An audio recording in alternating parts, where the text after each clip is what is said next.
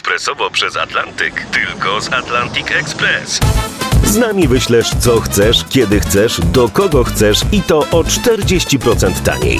W Atlantic Express wysyłamy wszystko, co chcesz. 1 800 775 7363. Mienie przesiedleńcze, kontenery, paczki do Europy. Atlantic Express to 30 lat doświadczenia i o 40% niższe ceny na wysyłki kontenerów, samochodów i paczek. Ekspresowo przez Atlantyk tylko z Atlantic Express. W spisie treści RMF Classic e, pierwszy raz na żywo, ale drugi raz e, właśnie w spisie treści Maria Karpińska. Witaj, miło mi Ciebie poznać osobiście. Dzień dobry, mnie również. Ostatnia nasza rozmowa to był 2020 rok i to był Twój debiut e, Żywopłoty. Pamiętam tę rozmowę bardzo dobrze. I Ty pewnie też, bo to taki Tak, wyjątkowy czas tak, był. prawda. I też Twoja debiutancka książka, która od razu została nagrodzona nagrodą imienia Cypriana Kamila Norwida. Tak, to prawda. Otrzymałaś też nagrodę Krakowa Miasta Lit- Literatury UNESCO. I mamy twoją drugą książkę w tej chwili. Premiera 28 września. więc już 28 parę dni września, temu. parę dni temu była. No parę dni temu przeczytałam książkę. Książka nosi tytuł Ucichło. Najpierw taka ogólna moja refleksja. No powiem ci, potrząsnęłaś mną mocno tą książką. Pierwsza moja myśl, drodzy słuchacze, jeśli zobaczycie okładki tych dwóch książek, bo rozumiem, że okładki robiła ta sama osoba Tak, tak. to mówię, aha, te książki na pewno ze sobą korespondują. I kiedy już zaczęłam czytać, to moja myśl była taka, bo pamiętam dokładnie żywopłoty i pamiętam e, nasze rozmawianie o tworzeniu opowieści, o narratywizmie i e, mówię, o, Maria Karpińska idzie e, w podobną stronę, co nie jest zarzutem. Mam też temat czasu, mam też temat przemijania i śmierci, no ale trzecia część mną potrząsnęła bardzo, bardzo mocno. No rzeczywiście chyba jest bardziej przejmująca ta książka niż żywopłoty. W żywopłotach wydaje mi się, że bardziej może się skupiałam na formie, na samej konstrukcji książki i też była no, w pewnym sensie lżejsza. Tak nie mówię, że specjalnie lekka, e, bo tak jak mówisz, e, podobne tematy w niej poruszam, ale rzeczywiście jest, e, mimo tego, że tematyka wydawałoby się na pierwszy rzut oka jest podobna gdzieś, jakby kontynuuje gdzieś jakieś takie swoje zainteresowanie, czy, czy to, co, to, o czym chcę pisać po prostu, to rzeczywiście jest ta książka zupełnie inna. Nie wiem, z czego to wynika, ale chyba po prostu inne ujęcie. Jest to powieść, bo pamiętam, że, że przy żywopłotach krytycy w ogóle mieli ten problem, nie? Czy to opowiadanie, czy to powieść. Teraz nie ma już chyba dla nikogo żadnego problemu, jest to powieść. Tak, tak. No tym razem y, właśnie ta struktura, chociaż ona też nie jest linearna, Mhm. y, są trzy części i one też wewnątrz są podzielone, ale to już jest jakby y, ten sam narrator, ci sami bohaterowie, którzy wracają na różnych, w różnych momentach, więc tutaj już nie, nie można zastanawiać się, z czym mamy do czynienia. Rzeczywiście jest to powieść, przy żywopłotach to nie było takie jednoznaczne. Gdyby ktoś potrzebował, bo ja wiem, że autorzy nie lubią tego pytania, ja naprawdę to rozumiem, ale też wiem, jakie ja pytania dostaję, jak czytam książkę. Wystarczy, że wiesz, mam rozłożoną książkę, co czytasz? Ucichło, Marika. O czym? Więc wiesz co, tyle, ile ty chcesz powiedzieć. Nie będę tu ingerować. To jest właśnie, tak jak mówisz, najtrudniejsze pytanie, bo co się dzieje na poziomie fabuły to jest jedno, a to, co ja chciałam powiedzieć, czy właściwie o czym jest ta książka, no to już też trochę powiedziałyśmy o czasie i o jakimś, według mnie, tak jak właśnie myślałam, o czym tak naprawdę chciałam, żeby ona była, to o jakimś takim pożegnaniu, pożegnaniu na bardzo różnych poziomach. Wcielasz się w mężczyznę. Tak, tak. Wciąłam się w mężczyznę, chociaż właśnie na, pod koniec głos oddaję również bohaterce, która wcześniej pojawia się e, oczami naszego narratora. E, narrator jest bezimienny. Wiemy o nim, że zmaga się z bezsennością i że zmagając się z tą bezsennością trafia do rozmaitych terapeutów i specjalistów i rzuca im swego rodzaju wyzwanie, tak? Jakby chce być uleczony, ale trochę pogrywa z nimi. Nie do końca zawierza tak naprawdę ich metodą, a raczej stara się ich sprawdzić, na ile jest to możliwe, bo jego bezsenność tak naprawdę wynika z niemożnością poradzenia sobie ze stratą. Dokładnie tak. I od tego się książka zaczyna. Nie wiem, ile zdradzać. Wiesz, książka zawsze jest morzem, polem do dyskusji. Pewnie ci, którzy chodzą na terapię, e, to wiesz, czytając nawet, że chodził na różne terapie behawioralną, systemową, humanistyczną, kiwają głowami. Mówią, byłem, byłem. Ale Znam to. ale ta ciekawość właśnie, moim najnowszym odkryciem, mówi twój bohater, jest terapia narracyjna. I tu się pojawia Maria Karpińska i jej wielka fascynacja narracją. I ci, którzy nie słyszeli naszej wcześniejszej rozmowy, to po prostu wprowadź. Tak, rzeczywiście, no, jakoś moją taką fascynacją jest takie założenie, że, że to, jak przeżywamy życie, jest oparte na narracji, czyli no, właściwie też na tym się opiera nauka Freuda, czy terapia, czy psychologia, z założenia, że opowiadając o rozmaitych wydarzeniach, oczywiście tutaj już y, jest to dużo bardziej skomplikowane, no ale tak upraszczając, opowiadając o nich możemy jakoś je zrekonstruować, przeżyć inaczej, tak? czyli jakby poprawić coś, co się wydarzyło w przeszłości, jedynie za pomocą wypowiadania tego, czy ubierania tego w słowa. No i dla mnie to jest rzeczywiście jakiś taki fascynujący koncept i no już w drugiej książce tutaj... Właśnie, nie dość, że naukowo się Tak. tym zajmowałaś, prawda? Tak. I teraz właśnie w drugiej książce. Ale tak jak mówię, to nie jest zarzut, bo jak usłyszysz, że a, Maria Karpińska ciągle pisze o tym samym, to jest bardzo fascynujące, moi drodzy. Potwierdzam, czytam drugą książkę, będę czytać kolejną i liczę, że pojawi się ten sam temat. Tego dnia po powrocie z gabinetu Felicji postanowiłem dać tej metodzie szansę i stworzyć własną historię, opowiedzieć ją dokładnie tak, jak to widzę. Czyli to stwarzanie siebie poprzez y, historię i ponieważ to jest nasza historia, no to ja mam wpływ na to, co powiem i jak ją opowiem. Tak, dokładnie. No to tak naprawdę tutaj też wchodzimy jakby w taką w mechanizm pamięci, tak? Na, na, ile, na ile w ogóle pamiętamy rzeczywiście to, co się wydarzyło, a na ile jakby nasza pamięć, nasz mózg w ten sposób funkcjonuje, że dodaje rozmaite szczegóły, coś ktoś e, nam potem opowiedział to inaczej i to już zostało w naszej pamięci. Nie wiem, zobaczyliśmy zdjęcie z danego wydarzenia, jakby to wszystko tak naprawdę później jest nam bardzo trudno zrekonstruować co do jednego, na ile to jest nasze wspomnienie, a na ile jakiejś e, już naleciałości tego, czy to, co chcemy, żeby zapamiętać. Mi się wydaje to szalenie ciekawe i też jakby w kontakcie z literaturą, która de facto jest przecież opowiadaniem, e, jak to wszystko funkcjonuje, tak? Na ile te opowieści, na ile możemy to w ogóle zbadać za pomocą literatury i, i jakby pokazać w książce, jak to, jak to się dzieje i gdzie tu jest, czy w ogóle istnieje coś takiego jak prawda, tak? Opowiadania o swoim życiu. Właśnie. Czy to wszystko jest trochę Moja trochę prawda. konstrukt, czyli książka. Tak jakby gdzieś tutaj to wszystko się tak e, w ciekawy sposób zazębia. Myślę, że tu nie będę na razie zdradzać też za dużo, bo to jest też ciekawe, że nie tylko jakby bohater opowiada swoją historię, tak jak ją zapamiętał, ale też mamy sytuację jedną i bohater, który cierpi z powodu mm, bezsenności, może się trochę dziwić Zosi, jego siostrze, że ona śpi na przykład, nie? A wydarzenie jest to samo. Tak, tak. Jest tak, tam na, na początku, bo na razie Mhm. tak idę krok, krok po kroczku. Felicja prosi, bym opowiedział o każdym z bohaterów mojej historii. To też jest ciekawe właśnie, że od razu już na poziomie języka ustawiasz to, bo mogłabyś, terapeutka mogłaby powiedzieć, nie wiem, spokojnie mogłabyś zrobić z tego dialog i, i terapeutka mówi, słuchaj, opowiedz o sytuacji rodzinnej albo o swoich przyjaciołach, a ona już pyta, żebym opowiedział o każdym z bohaterów mojej historii. On sobie wyobraża szachownicę i te figury. I, I właśnie już to nazywa. To jest figura mojego przyjaciela. On już to stwarza na tym poziomie, prawda? Tak, no zależało mi, żeby właśnie tutaj podkreślić ten mechanizm y, stwarzania własnej opowieści. No, na tym też polega terapia narracyjna. Ja trochę oczywiście tutaj puszczam wodze fantazji, nie trzymam się jakby takiej prawdziwej, medycznej samego procesu, jak to wygląda w rzeczywistości, ale trochę się tym jakby bawię, nazwijmy to. I rzeczywiście zależało mi, żeby podkreślać tą moc stwarzającą, tak? Czyli, że mój bohater przychodzi do gabinetu i w pewnym sensie jego zadaniem jest odtworzyć swoje życie i to, jak to zrobi, zadecyduje o tym, czy uda mu się nanieść te niezbędne poprawki, tak? I i jakby zaczyna sobie zadawać pytanie, na ile to jest możliwe. Tak jakby w ogóle ta terapeutka tak naprawdę nie była mu potrzebna w tym momencie. Tak, tak. No i później tutaj e, jakby mam taką nadzieję przynajmniej, że ta bohaterka, terapeutka jest takim trochę też tajemniczą postacią, w takim Tak. sensie, że ona, jej e, jakiś taki status nie jest do końca Mhm. jasny Tak. i, i tutaj pod koniec mam nadzieję, że to się tak zaczyna rozmywać w stronę, której może nie będę też zdradzać. Ale to też właśnie też jest, wiesz, to jest dopiero twoja druga książka, więc trudno po dwóch książkach jakby już, wiesz, wyciągać i mówić o stylu Marii Karpińskiej, aczkolwiek trosz, troszkę można, bo w tamtej książce też pamiętam, było takie, wszystko na takiej granicy, surrealizmu, takiej nieoczywistości i też to próbujesz tutaj zrobić. Tak, rzeczywiście. Tutaj też zależało mi przez to, że ta y, struktura jest dużo bardziej taka czytelna czy Mhm. linearna, ale zależało mi, żeby ona była różnorodna i żeby zmieniała się z czasem. Czyli zaczynamy od opowieści poukładanej. I tak jak już powiedziałyśmy, jakby książka zaczyna się jak trzeba, jest jakby cel, jest bohater, on trochę opowiada o sobie, ale chciałam, żeby w tym procesie, który mój bohater zaczął, żeby też ta narracja oddawała jego stan psychiczny, czyli żeby gdzieś ona się trochę rozpadała po drodze, tak? Żeby on już,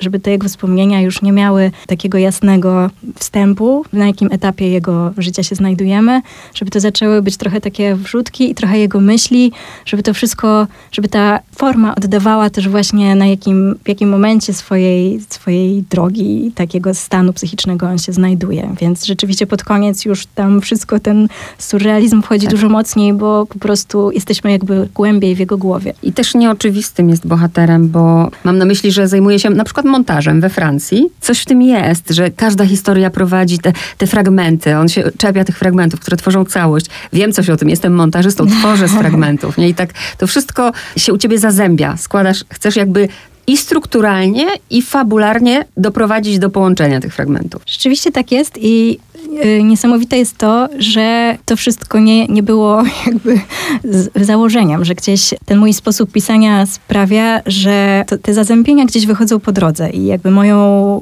rolą jest zdecydowanie, czy ja chcę z nich skorzystać, czy nie. W takim sensie, że Mhm. to nie było też tak, że ja rozpisałam tą książkę, czy ta klarowna struktura wyszła dzięki temu, że najpierw y, sobie ją, na, nie wiem, graficznie jakoś Mhm. pokazałam, bądź też zrobiłam tysiące notatek, tylko raczej ona pojawiała mi się po drodze i ja tylko zastanawiałam się, na ile jakby skorzystać z tych, y, z tych takich właśnie puzli, które się ze sobą składają, a na ile jakby trochę to jakby odejść, odejść od tego, tego klarownego porządku. Więc samą siebie w pewnym sensie zaskoczyłam tym, że, czy książka właściwie mnie zaskoczyła, że kiedy skończyłam ją pisać, to właśnie zaczęłam dopiero wtedy tak naprawdę Mhm. dostrzegać, ile tam rzeczy się składa, a nie było to jakimś takim moim nadrzędnym celem, żeby ta książka koniecznie była tak dopracowana pod względem struktury, tak jak rzeczywiście były żywopłoty, bo tutaj dałam sobie więcej takiej swobody, Mhm. bardziej, bardziej miałam w głowie historię, a mniej z- miałam to, jak chcę, żeby ona była pokazana, ale gdzieś ta struktura sama się zaczęła tak spinać. Ja się później zastanawiałam na przykład razem z redaktorką, czy niektórych rozdziałów nie zmienić kolejności, ale właściwie jej odpowiedź była taka, nie no, właściwie tak jak to wysłałaś, tak jest to ułożone i to wszystko się jakoś spójnie i dobrze do siebie odnosi, więc nie wiem, no to jest chyba jakaś magia procesu, że to rzeczywiście potrafi gdzieś samo wyjść. To jest to, co wypływa z ciebie dokładnie mi to wyjęłaś z ust, że właśnie w żywopłotach miałam wrażenie, że bardziej zależy ci na właśnie pokazaniu jak, a tutaj bardziej na pokazaniu co. To prawda, to prawda. Jakby inny był, Mhm. e, to też chyba wynika właśnie z tego, że inny był sam Mhm, proces, tak? Że tak. tam gdzieś miałam te fragmenty i dopiero myślałam o tym, jak, jak zrobić z tego pełnowymiarową książkę. A tu rzeczywiście jakby wiedziałam, że to będzie książka od pierwszego słowa i, i wiedziałam, jaka ma być ta historia, a dalej to już musiało wyjść po drodze. Ja jestem przekonana, że ta druga książka zyska na pewno szersze grono czytelników, bo ja nie chcę teraz wam, drodzy słuchacze, powiedzieć, że Maria Karpińska to literatura niszowa. Trochę tak, ale też trochę nie, bo w tej książce, bo jak wi- wiecie, wy nas teraz słuchacie i my mówimy narratywizm, konstrukcja, w ogóle struktura i ktoś, o Boże, niech one już skończą. To nie, tutaj jest historia, do tej historii zaraz też wejdziemy trochę głębiej i, i właśnie zrobiłaś coś takiego, że ktoś, kto chce się bawić, może się tym zabawić, ale można też tę książkę czytać zupełnie, wiesz, na przykład myślę o tej drugiej części, bardzo wzruszającej. Myślę też o bohaterze, o jego przyjacielu Janku, o ich wspólnym przyjacielu Leonie, o wspomnieniach z dzieciństwa, które każdy, jak wiesz, te, te, jak opisywałaś nawet te szczegóły, bo ten detal też u ciebie był w żywopłotach i jest tutaj, gdzie ty opisujesz, e, jak pamiętasz na przykład otwieranie drzwi, jak trzeba ten klucz włożyć. Ja mam dokładnie takie same wspomnienia, jak e, bawili się, co dostali od dziadka, przypomnij mi. Śrubokręt. Śrubokręt, Mhm. prawda? I, e, i, I właśnie jak, jak on wyglądał i, i jakie mają z tym wspomnienia. To, to są właśnie takie historie, które każdy z nas ma z dzieciństwa. To też zależy, jak sobie je układamy w głowie. To, co jest dla mnie też zaskakujące z tą książką, tak jak zaczęłaś mówić, że może to brzmi trochę, trochę Mhm. odstraszająco, to to, co mnie zaskoczyło, to teraz jak czytają ją moi znajomi i przyjaciele, to pierwsze, co mi y, relacjonują z tej lektury, to, że strasznie się wciągnęli. To mnie też Mhm. bardzo zaskakuje, bo tak jak mówisz, gdzieś te moje założenia i, i sama tematyka, która nie jest wesoła, to jakby nie ma co Mhm. oszukiwać, zresztą ten narrator o tym lojalnie uprzedza. Wydawało mi się, że to może być trudna lektura, a okazało się, że widocznie coś w tym jest, tak jak mówisz, co bardzo wciąga, Tak. Bo, bo tak jak mi wszyscy mówią, po prostu jakby czytają ją bardzo zachłannie i, i nie chcą się od niej odrywać, więc nie wiem, to, to, to też jest coś, e, co się po prostu jest. Może dlatego, że właśnie ta wspólnota doświadczeń jednak jest. Tak, tu ale ty masz rację, bo wiesz, ja też mam inną pozycję, bo na pewno ktoś, kto dopiero pierwszy raz będzie czytał twoją książkę i będzie to ucichło, też będzie inaczej ją czytał, ponieważ to jest moja, twoja druga książka, i moja druga książka, którą czytam, no to, to jest oczywiste, że jak gdzieś, wiesz, szukałam jakiś, e, już sobie zadawałam pytania i wchodziłam bardzo powoli. Przy drugiej części to już mnie po prostu wciągnęło, a przy trzeciej mną tąpnęło i tak naprawdę, e, drodzy słuchacze, tu się wszystko zaczyna, jak skończycie tę książkę. I to jest, i wiesz, i to jest komplement dla ciebie, bo zawsze to mówię, że książka, jeśli ja ją zamykam, a ona ze mną zostaje i ja o niej myślę i trawię i przetrawiam i, i wraca do mnie, to to jest dobra książka dla mnie. W trzeciej części, jak już powiedziałam, Maria oddaje głos bohaterce Oli. I teraz pytanie, czy na sam koniec to jest Maria Karpińska, która mówi o tym, że jak trafiła do niej książka Gustafsona? A akurat, akurat rzeczywiście ten wątek to jest niesamowite. Ten wątek jest rzeczywiście z, z autopsji. Tak naprawdę w ogóle nie miałam takiej intencji, żeby, żeby koniecznie opowiedzieć, jak ta książka do mnie trafiła, tylko spodobał mi się taki motyw. y, W ogóle ta książka od początku miała być dużo bardziej związana z książką Gustafsona. Mówimy tutaj teraz o śmierci pszczelarza, e, szwedzkiego pisarza, który chyba nie jest w Polsce bardzo znany, która to książka zrobiła na mnie ogromne wrażenie i rzeczywiście trafiła do mnie w sposób opisany w fabule. I gdzieś ta książka chodziła za mną od lat. Mam ją na półce i przeczytam ją nie wiem ile razy. Y, I początkowo w ogóle samym pomysłem na tę moją drugą książkę było oparcie się bardzo silnie na Gustafsonie. Y, On też się pojawia w cytatach poprzedzających każdą część. Zresztą do niego nawiązywać miał też tytuł, bo początkowy roboczy tytuł to była Ponowna śmierć pszczelarza. I gdzieś myślałam, że ta książka w ogóle jako, jako przedmiot będzie w tej fabule obecny stale.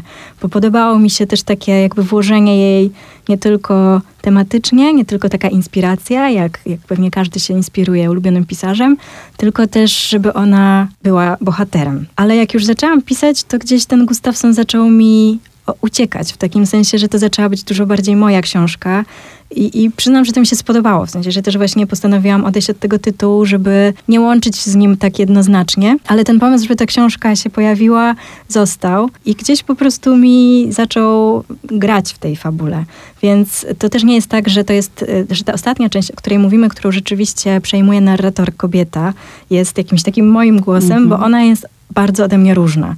Takim sensie, że my ją poznajemy rzeczywiście oczami narratora przez całą książkę i później ona trochę pokazuje, na ile on też przekłamuje swo- ten swój obraz i o to w tym chodziło, żeby jakby skonfrontować ich widzenie, ich punkt widzenia, ale rzeczywiście ona jest bardzo po prostu charakterologicznie różną kobietą ode mnie, więc tutaj to nie jest tak, że jakby y, swój gdzieś głos y, tutaj włożyłam. Myślę, że tak naprawdę mój głos jest między nią a nim, w takim sensie, że i on ma wiele cech ze mnie i ona i gdzieś z nią też się utożsamiam, na przykład jako z mamą małych dzieci. No to nie jest takie jednoznaczne, ale rzeczywiście y, ciekawe, że to wyłapałaś, bo rzeczywiście ten motyw z książką to jest po prostu moja własna historia. Nie wiem, po prostu gdzieś, gdzieś y, to mi pasowało w fabule, żeby w ten sposób też ta książka trafiła do niej. Z tyłu głowy jednak myśli się o tym, że historia, która się wydarzyła w parku, jest twoja. Nie, nie, nie. Nie? Nie. To popatrz, jak y, coś niesamowitego. To zobacz, co ci się udało zrobić. To jest bardzo dramatyczna historia, która szczęśliwie mnie ominęła y, i mam nadzieję, że nigdy tak trudne wydarzenia nie będą moim udziałem. Myślę bardziej, tak jak powiedziałam na początku, że to jest historia o pożegnaniu Mhm. i bardziej w ten sposób o tym myślę, że stąd też może jakiś taki uniwersalny wymiar tej historii, że szczęśliwie właśnie nie każdy doświadcza tak trudnych y, wydarzeń, y, które konfrontują go z pożegnaniem z najbliższą osobą. Ale myślę, że każdy musi się pożegnać z, jakąś, z jakimś pierwiastkiem swojej młodości po prostu, czy z dzieciństwa, czy, czy z y, kimś, kto był przez bardzo dużą część naszego życia tą najbliższą osobą i wydawało się, że zawsze tak będzie, a to się kończy. I jakby kończy się na bardzo różne sposoby i A propos śmierci i czasu i przemijania, musi być w tobie, bo nie w każdym jest. Niektórzy chcą ten temat odsuwać. Chociaż tej śmierci wydaje się, że jest bardzo dużo wokół, nawet teraz, jak jest wojna. Ale jednak odsuwamy to, nie? Jednak tak, jakby, tak jakbyśmy tego nie widzieli. A u ciebie czuć związek z tym tematem bardzo silnie. Właśnie też się nad tym zastanawiam, bo oczywiście to pytanie powraca. Tak samo w żywopłotach ten temat był obecny i, i powracał. Tutaj to już jest rzeczywiście bardzo ewidentne i jednoznaczne, bo po prostu ta książka o tym traktuje. Więc to pytanie powraca, też sama sobie je zadaję i wydaje mi się tak naprawdę paradoksalnie, że chyba moim sposobem na uciekanie od tego tematu są właśnie te książki. W sensie, że to tak brzmi, jak ja bym była taka bardzo świadoma i pogodzona z tym, że wszystko musi mieć swój kres, a mi się wydaje, że bardziej jak Elias Canetti, którego też tutaj przywołuję Tak. w cytacie i który napisał księgę przeciwko śmierci i walczył z nią całe życie, jakby chciał pisać po to, żeby, żeby jakoś ją unicestwić i to też te, ten koncept mi się szalenie spodobał, bo jest taki rozbrajająco, w pewnym sensie dziecinny, prawda? Mhm. Że jakby ktoś wierzy w to, że może za pomocą słów zrobić, sprawić, żeby śmierć przestała istnieć. I wydaje mi się, że w tym moim pisaniu jest e, trochę podobnie. W sensie, że to jest jakiś dla mnie gest niezgody i oczywiście można też powiedzieć, tak jak e, rozmawiamy o terapii, no to jakiegoś przepracowywania Mhm. nieustannego tego, ale to no nie jest tak, że jestem szalenie świadomą i Mhm. pogodzoną, dojrzałą osobą, tylko bardziej mam wrażenie, że cały czas staram się jakoś to podważyć. I Mhm. właśnie może stąd ten temat wraca w moich książkach. Jak e, przypominam sobie taki fragment, jak narrator mówi właśnie, bo e, cierpi na bezsenność, nie może uporać się ze stratą, ale tak naprawdę też pomyślałam o tym, on to mówi. Tak, ja się boję e, śmierci, nie? że to też jest bardzo lękowe. Tak, dokładnie. Tutaj też pisząc, czytałam książkę, taki zbiór tekstów Leszka Kołakowskiego i on, one też właśnie dotyczą śmierci, końca oczywiście od takiej filozoficznej strony. Y, I to mnie bardzo, bardzo mi utkwiło w pamięci. Tam jest taki fragment, y, kiedy on pisze, że żałoba trochę polega na tym, że z jednej strony odpychamy to, to wspomnienie o, o bliskiej osobie, jakby staramy się cały czas jej powiedzieć odejdź, dlatego że po prostu boimy się sami umrzeć, tak? A jakby ta, to wspomnienie cały czas nam przypomina, że to jest nieuchronne. A z drugiej strony oczywiście ten, ta tęsknota sprawia, że staramy się jak, naj, jak najwięcej tych wspomnień w siebie wchłonąć i że gdzieś właśnie w tym dysonansie tkwi jakby sedno, sedno żałoby i rzeczywiście to mi bardzo, to gdzieś też przyświecało fragmentom tej książki. A druga strona medalu może być też taka, że jak żegnamy kogoś i rozpaczamy potwornie, to też można sobie zadać pytanie właśnie, czy my rozpaczamy, e, za czym rozpaczamy? Za osobą, która odchodzi, czy za, ze strachu przed sobą, przed tym, co będzie ze mną, nie? bo ja zostaję. Tak, dokładnie w ten sam sposób też w którymś z tekstów pisze o tym Kołakowskiej i bardzo ładnie to tak ujmuje, że, że to jest ten smutek po tym, że w żadnej galaktyce nie istnieją ludzie, którzy, do których teraz trafię, jak, to, jak ten świat się skończy. Tak? No oczywiście to jest y, kwestia wiary też, ale on to tak właśnie obrazowo pokazuje, że gdzieś jakby to uświadomienie sobie, że nie ma tej galaktyki, która nastąpi później, jest jakimś takim smutkiem, no, który pewnie po prostu towarzyszy od pewnego momentu. Bardzo ciekawe jest dla mnie to, no bo nie dałaś głosu, oprócz dialogów, w dialogach dałaś głos Jankowi, prawda? Ale mamy, Tak.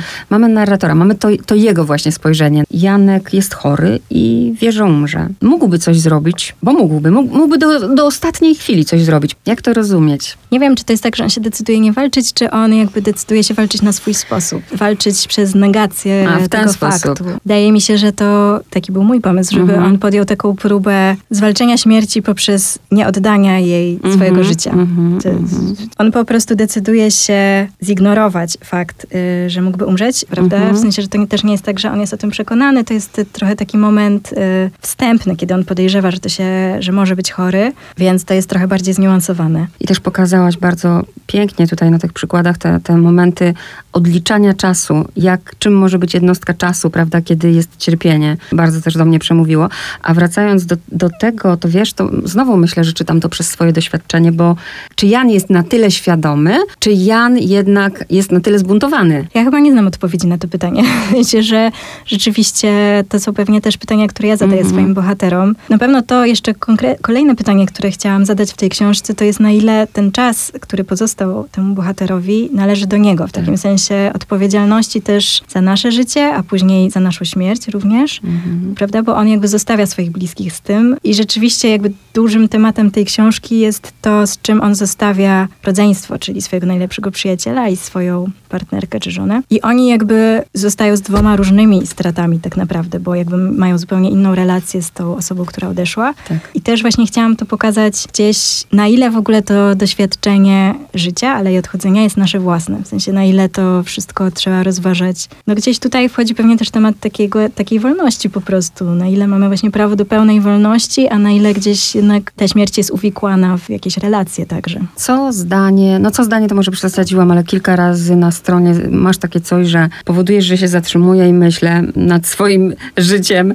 Jeśli siedzisz bez ruchu wystarczająco długo, ptaki uznają, że cię nie ma. Nie zaczynają cię traktować jak swojego, nie akceptują twojej obecności. Po prostu uznają, że nie istniejesz. Czasem myślę, że z ludźmi też tak jest. Wystarczy, że się nie poruszasz na tyle długo, by uznali, że nie istniejesz. No właśnie na przestrzeni całej książki się pojawiają ptaki i w ogóle Tak. to jest taki ważny motyw, tak jak w żywopłotach to były rośliny, co, co Iras konfrontuje jakby tą perspektywę ludzką z perspektywą Taką- znacznie tak. szerszą, bo to też ta książka powstawała w takim szczególnym czasie i pandemii, no i katastrofy klimatycznej, o której mówi się coraz głośniej i rozmaitych końców świata, które następują w ostatnim czasie w zastraszającym tempie. I ta książka jest odzwierciedleniem tego czasu, mam wrażenie. I właśnie ten motyw przyrody i świata zwierzęcego jakby miał pokazać, że pożegnanie czy odchodzenie jest, czy, czy niezgoda właśnie na ten rozpad świata jest właśnie dużo szersze, tak? Że to jest też poniekąd niezgoda na rozpad y, świata, Mhm. z którym za chwilę, czy już konfrontujemy się wszyscy. Ale nie chciałabyś być chyba mm, wrzucona, bo wiesz, teraz tak bardzo się lubi szufladkować wszystko. Pamiętam Małgosię Lebdę z jej najnowszym tomikiem, zresztą nagrodzonym, nagrodą imienia Wisławy Szymborskiej, gdzie ja już czytam na przykład, że to jest poetka w nurcie eko. Mhm. I się tak trochę zrzymam, bo to tak nie jest do końca. Chyba po prostu nie chciałabym być w żaden. bo Wydaje mi się, że wszystkie nurty, one oczywiście porządkują jakoś te rozmowy o literaturze, ale pewnie zawsze są gdzieś tam generalizujące. To jest na pewno, wydaje mi się, że po prostu temat katastrofy klimatycznej, czy tego, co się dzieje ze światem, jest tematem, przed którym żadna literatura nie będzie mogła uciec. Nawet ta, która nie mówi o tym wprost, no jakoś ludzie, którzy piszą, żyją w końcu na świecie takim, a nie innym i muszą być przesiąknięci przez to, co się dzieje, nawet jeżeli starają się jak najbardziej na to zamknąć. Obawiam się, że to jest ta jedna z być może nielicznych kwestii, na które naprawdę nie da się zamknąć, bądź też za chwilę nie będzie się dało. Więc pytanie, czy, czy ten nurt rzeczywiście będzie odosobnionym nurtem, czy po prostu jakąś tendencją naszych czasów i, i tematem, przed którym nie możemy uciec. Twój bohater korzysta z terapii opowieścią. Czy Maria Karpińska korzysta z opowieści jako też y, poniekąd terapii, to ci pomaga y, uporządkować różne rzeczy w głowie? E, Zastanawiam się nad tym, czy, czy nie ma przypadkiem właśnie odwrotnej, E, bo z jednej strony oczywiście jest tak, jak mówisz, że te tematy, które w nas są i ta potrzeba pisania są gdzieś e, związane ze sobą, tak? Jakby z jakiegoś powodu o tym piszę, bo nie daje mi to spokoju, ale bardzo mnie zmęczyło pisanie tej książki i bardzo wydaje mi się, że, że gdzieś to odchorowałam, w sensie, że naprawdę dużo w to serce włożyłam i gdzieś też ten trudny temat, z którym tutaj się mierzę, był też trudny dla mnie, to jakby nie, nie spłynęło po mnie, więc z jednej strony jest tak jak e, w cytacie z Gustafsona, który otwiera książkę, że on pisze, wyrzuciłem to z siebie opowieścią i rzeczywiście chyba na jakiś czas wyrzuciłam to z siebie opowieścią, bo, bo czuję, że muszę odpocząć od tego, co być może oznacza, że, że wreszcie się zwrócę ku, ku trochę innym tematom, być może już nie tak e, mrocznym, ale z drugiej strony chyba nie czuję takiego te- e- efektu terapeutycznego, żebym, żebym jakoś uzyskała spokój na ten temat. Myślę, że też długo nie odpoczniesz. Zaczyna się trasa promocyjna twojej książki, więc będziesz teraz cały czas o tym rozmawiać i o końcach świata i o śmierci. I jeszcze y, takie pytanie, mm, które bardzo lubię zadawać. Co autor, to inna odpowiedź. Ja powiedziałam y, o twoich książkach literatura niszowa. Chciałam cię zapytać po pierwsze, czy się z tym zgadzasz, a po drugie, co jest jakby powodem twojego pisania, wiesz, bo są autorzy, którzy mówią wprost, nie interesuje mnie w ogóle czytelnik. Nie? Ja to piszę dla siebie. Mnie coś nurtuje, ja to piszę dla siebie. Ktoś mówi, nie, skłamałbym, gdybym powiedział, że nie interesuje mnie czytelnik. Naprawdę chcę, żeby kupowano tą, tę książkę, czytano i o niej rozmawiano. Ktoś mówi, ja chcę, żeby się czytelnik zrelaksował, tylko o to mi chodzi. Jaka jest twoja motywacja? Nie wiem, wydaje mi się, że trochę zawsze może być ciut y, hipokryzji czy kokieterii w mówieniu, że zupełnie kogoś nie interesuje czytelnik, bo pewnie wtedy Mhm. trzeba by książki wydawać. Więc interesuje mnie zdecydowanie czytelnik. Zastanawiam się, chyba Chyba gdzieś, jeśli chodzi o, o tę motywację dotyczącą właśnie tego, jak książka zostanie odebrana, to chyba chciałabym potrafić zrobić to, co ze mną robią inne książki. W sensie takim, że wydaje mi się, że to jest wielka, wielka rzecz. W sensie dla mnie jako czytelniczki, kiedy czytam książkę, która coś mi otwiera albo coś mi pokazuje, czego nie widziałam, coś mi po prostu zmienia, mówiąc kolokwialnie. Chciałabym potrafić to zrobić. Żeby potrafić to zrobić, muszę pisać i muszę tego szukać. I chyba to, to mnie skłania, żeby cały czas spróbować. Dla mnie ciekawy, tak trochę metaforą może zadam to pytanie. Czy w ogóle jest to możliwe, żeby ucichło? To jest ciekawe pytanie rzeczywiście, bo rozmawialiśmy też o tym wydawnictwie. Jak rozmawialiśmy o tym, czy ten tytuł pasuje do książki, to pojawił się taki głos, że że przecież nie ucichło, w sensie, że, Właśnie. że jakby, że w świecie de facto po tej stracie pojawił się szum, czy pojawił się jakiś zgiełk nie do zniesienia, że ta cisza, o której mówi tytuł, nie jest możliwa. Z drugiej strony mi chyba chodziło o taką ciszę, gdzieś złowieszczą ciszę, tak? Tak jak w tym fragmencie, bo te, ten tytuł nawiązuje do konkretnego Tak. fragmentu pod koniec książki, y, krótkiego, takiego trochę surrealistycznego. Jest to jakaś taka wizja końca świata, właśnie która rozlega się w ciszy. I, i, więc to nie jest cisza kojąca, to jest taka cisza złowieszcza, która przychodzi po prostu, kiedy, no, kiedy nie ma już nic, mówiąc, mówiąc brutalnie. Ale myślę, że też ten tytuł jest wieloznaczny Bardzo, i już tak. widzę, że też wiele osób jakby tą ciszę, czy, czy ten proces cichnięcia Tak. widzi w różnych momentach i Tak. czyta go zupełnie inaczej. Więc ja myślę, że to dobrze. To bardzo dobrze. Tytuł zresztą jest e, istotny, tym bardziej, że powiedziałaś, że był pomysł na inny, nawiązujący Tak. do książki Gustafsona. A ten, e, jeszcze gdzie on ci przyszedł, bo to jest też zawsze ciekawe, czy na, na końcu książki, czy po wszystkim, czy wydawnictwo coś podsunęło. Kiedy on przyszedł do ciebie? On tak naprawdę przed momencie pisania właśnie tego fragmentu, Fragmentu. o którym mówię. Cały czas ta książka widniała też y, w moim komputerze i notatkach jako ponowna śmierć pszczelarza. I w sumie podobał mi się też ten tytuł jako w sensie brzmienia i takiego zaintrygowania, ale napisałam sobie ten fragment i wydał mi się taki bardzo mocny i bardzo ważny dla tej książki i gdzieś wraca w nim ta fraza ucichło. I pomyślałam sobie, że tak naprawdę chyba ten tytuł jest, jest lepszy. Yy, I później rozmawialiśmy o tym właśnie, który z tych dwóch. Oczywiście zdania były podzielone, ale koniec końców uznałam, że też właśnie, tak jak już wcześniej mówiłam, żeby też yy, ten Gustafsson nie wybrzmiał aż tak mocno, skoro w treści już nie, nie jest on tak obecny. I bardzo się przywiązałam do tego tytułu. Też po prostu lubię prosty tytuł, tak jak żywopłoty. Przy żywopłotach obstawałam, bo wydawały mi się takie gdzieś ascetyczne. I z ucichłą tak samo, że podoba mi się to, że nie jest taki przeładowany. Maria Karpińska, której się przyglądam i na pewno kolejną książkę przeczytam. I tak jak sama Maria powiedziała e, i tak jak przed chwilą mówiłyśmy, że tytuł można czytać na wielu poziomach, tak samo tę książkę można czytać na wielu poziomach. e, Także polecam i dziękuję Ci bardzo za rozmowę. Ja również bardzo dziękuję.